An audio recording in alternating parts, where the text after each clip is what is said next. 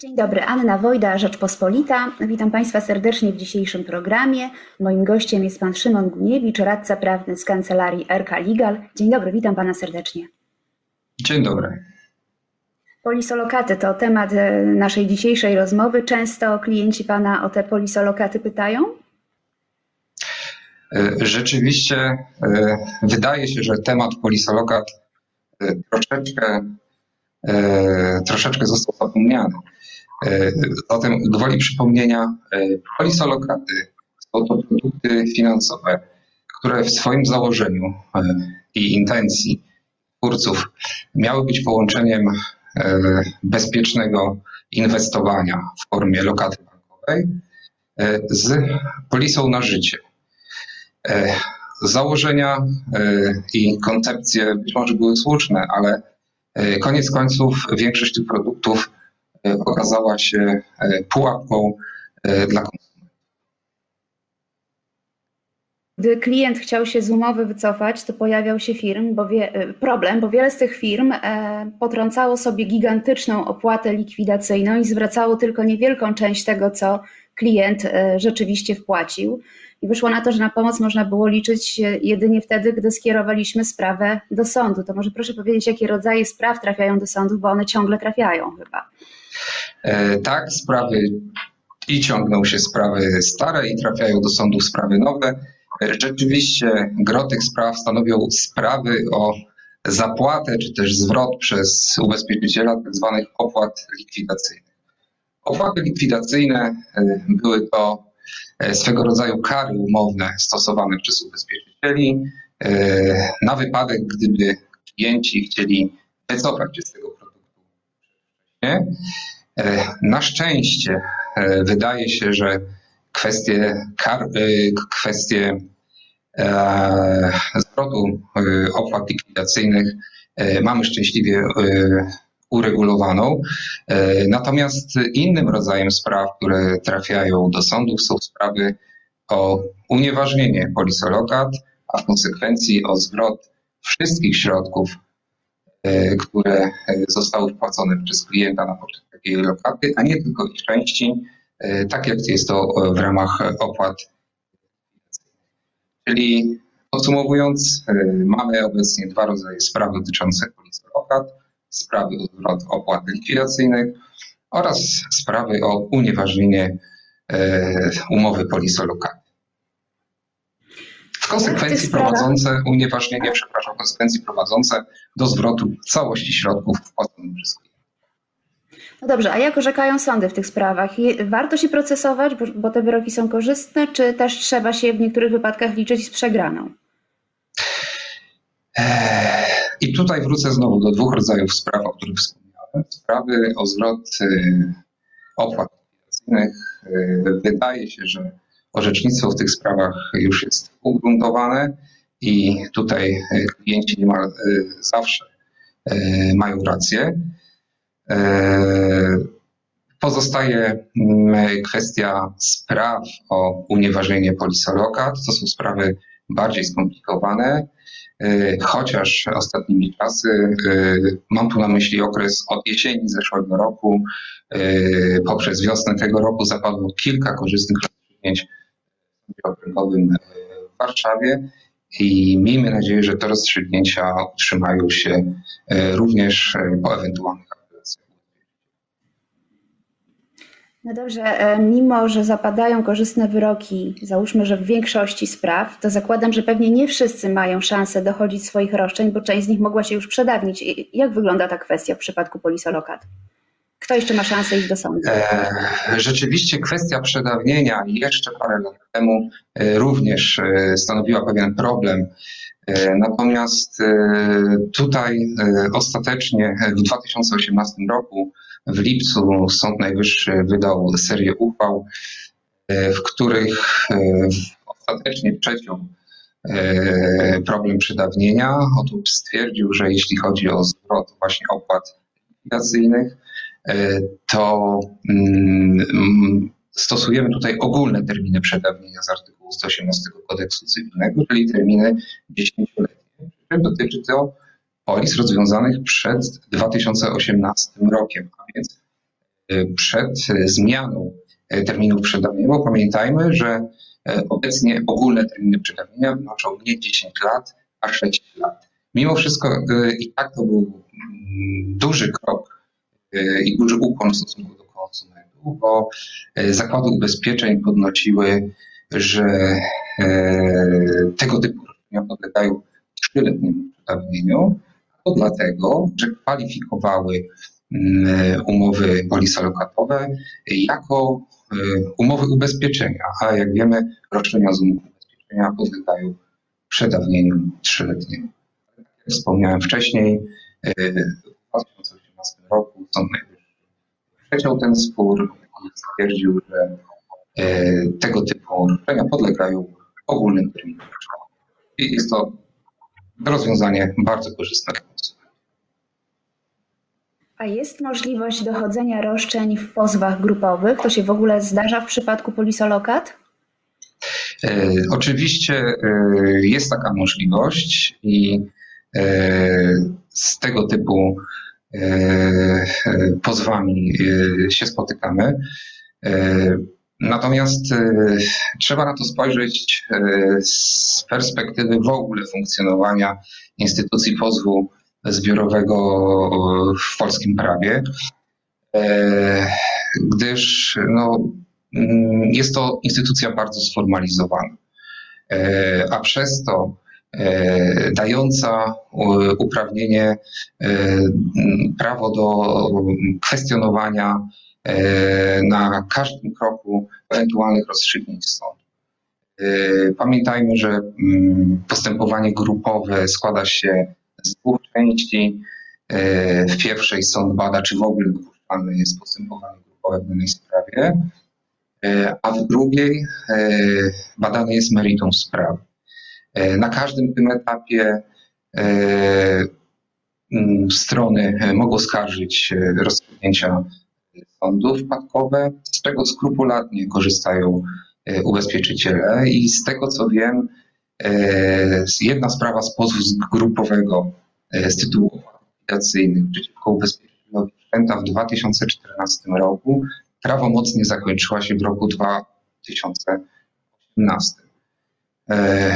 Z mojego doświadczenia powiem tylko, że sprawa indywidualna o zwrot opłaty likwidacyjnej, e, nawet z postępowaniem odwoławczym e, trwa maksymalnie dwa lata, więc mamy tutaj skalę porównania, ile trwa odzyskiwanie pieniędzy na podstawie w ramach pozwu zbiorowego, a ile mm, pozwu indywidualnego.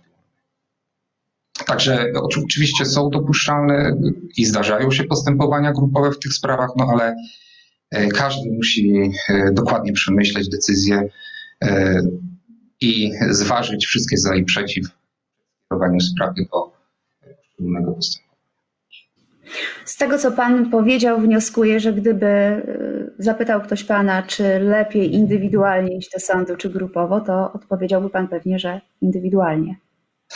Tak, odpowiedziałbym właśnie z tych względów, że indywidualnie no, chyba że y, ustawodawca nasz y, wprowadzi jakieś zmiany, y, które mm, pozwolą usprawnić postępowanie. Na razie to się nie zamierza. No, rzeczywiście nic na to nie wskazuje. E, jeśli mówimy już o polisolokatach, bo to wychodzi na to, że jest trudny temat, bo w tej sprawie interweniował Urząd Ochrony Konkurencji i Konsumentów, a nawet Rzecznik Finansowy, ale zdaje się, że e, te ich interwencje niczego tak naprawdę nie dały. E, pewnie w skali globalnej e, nie dały, natomiast no, nie możemy nie zauważyć jednak aktywności e, urzędów w tych sprawach.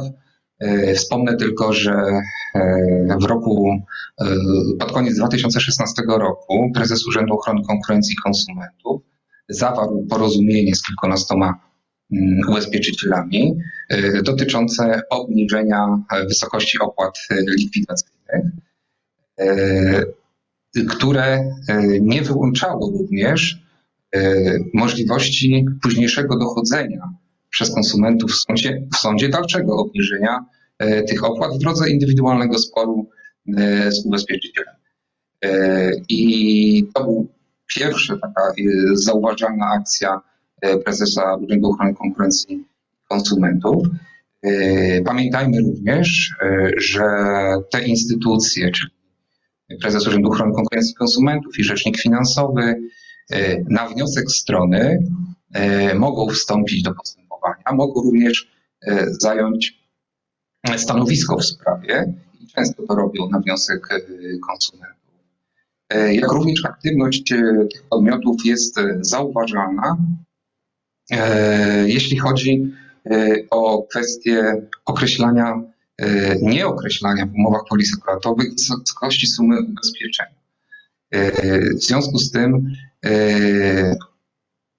prezes Urzędu Ochrony Konkurencji i Konsumentów, jak i rzecznik finansowy w ramach zajmowanego stanowiska silnie podkreślają i silnie wskazują na ten element jakby wad umów polisolokatorów.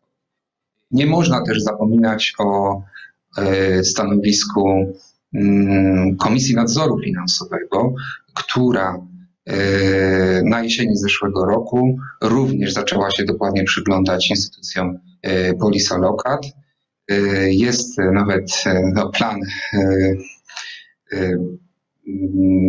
interwencji mającej na celu bardziej precyzyjne uregulowanie tej instytucji prawnej, no ale ma dotyczyć to tylko nowych umów Polisolokat. Stare, no niestety pozostają w mocy i tutaj wydaje się, że konsumenci są skazani na pomoc.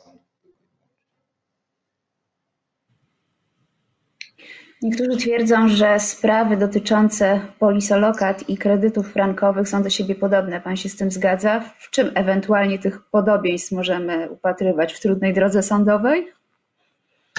E, oczywiście na pewno, natomiast na pewno skomplikowaniu produktów, e, mając na uwadze fakt, że po jednej stronie występuje e, konsument, a po drugiej instytucja finansowa. W przypadku kredytów frankowych, kredytów walutowych są to banki, lokat ubezpieczyciele. I mm, wydaje się, że podobieństwo zachodzi tutaj w pewnym, pewnej nierównowadze E, praw i obowiązków stron określonych e, w umowach zawieranych pomiędzy konsumentem a tymi instytucjami.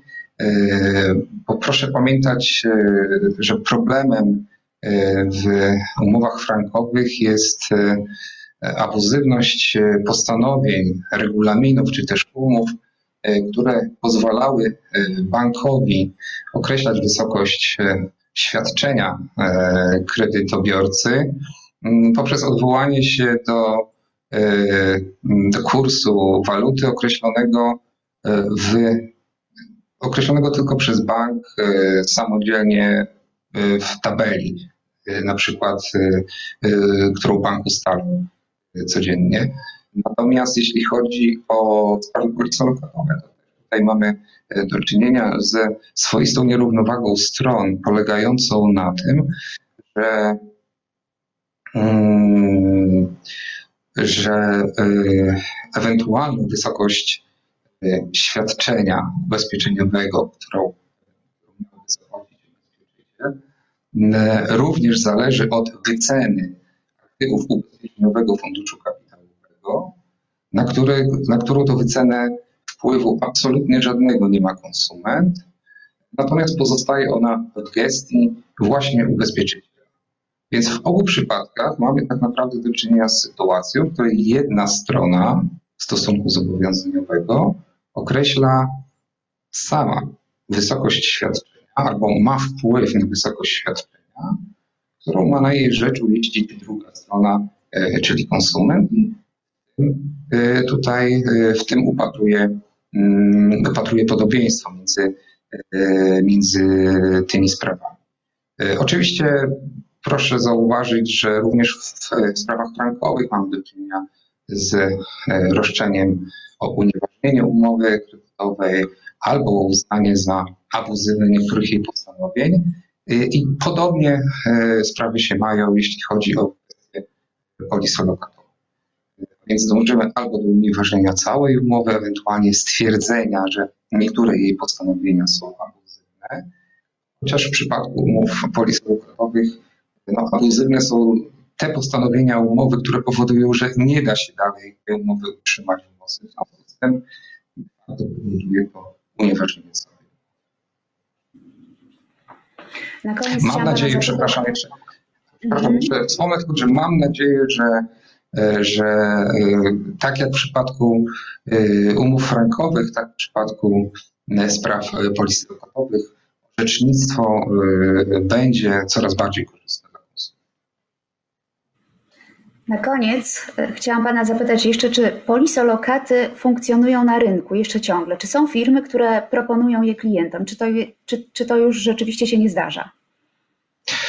Oczywiście są polisolokaty, funkcjonują na rynku, ale E, wydaje się, że e, konsumenci też są coraz bardziej świadomi tego, co się działo e, przed kilkunastoma laty i chętnie po ten instrument już tak nie sięgają.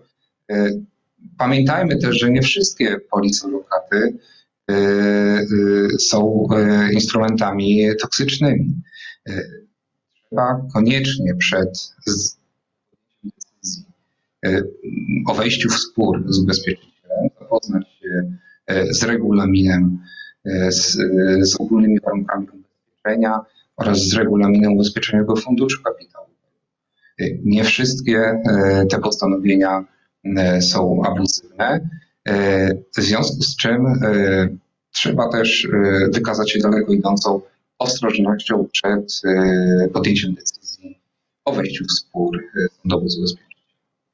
Dziękuję Panu za te wszystkie uwagi, które przekazał Pan dzisiaj naszym e, widzom. Mam nadzieję, że pomogą im w podjęciu decyzji, czy na przykład e, kupować policolokatę, albo na przykład e, kierować swoje roszczenie do sądu. Naszym widzom też serdecznie dziękuję. Moim gościem był Pan Szymon Guniewicz, radca prawny w kancelarii RK Legal. Dziękuję Państwu, dziękuję Panu serdecznie. Dziękuję bardzo za uwagę.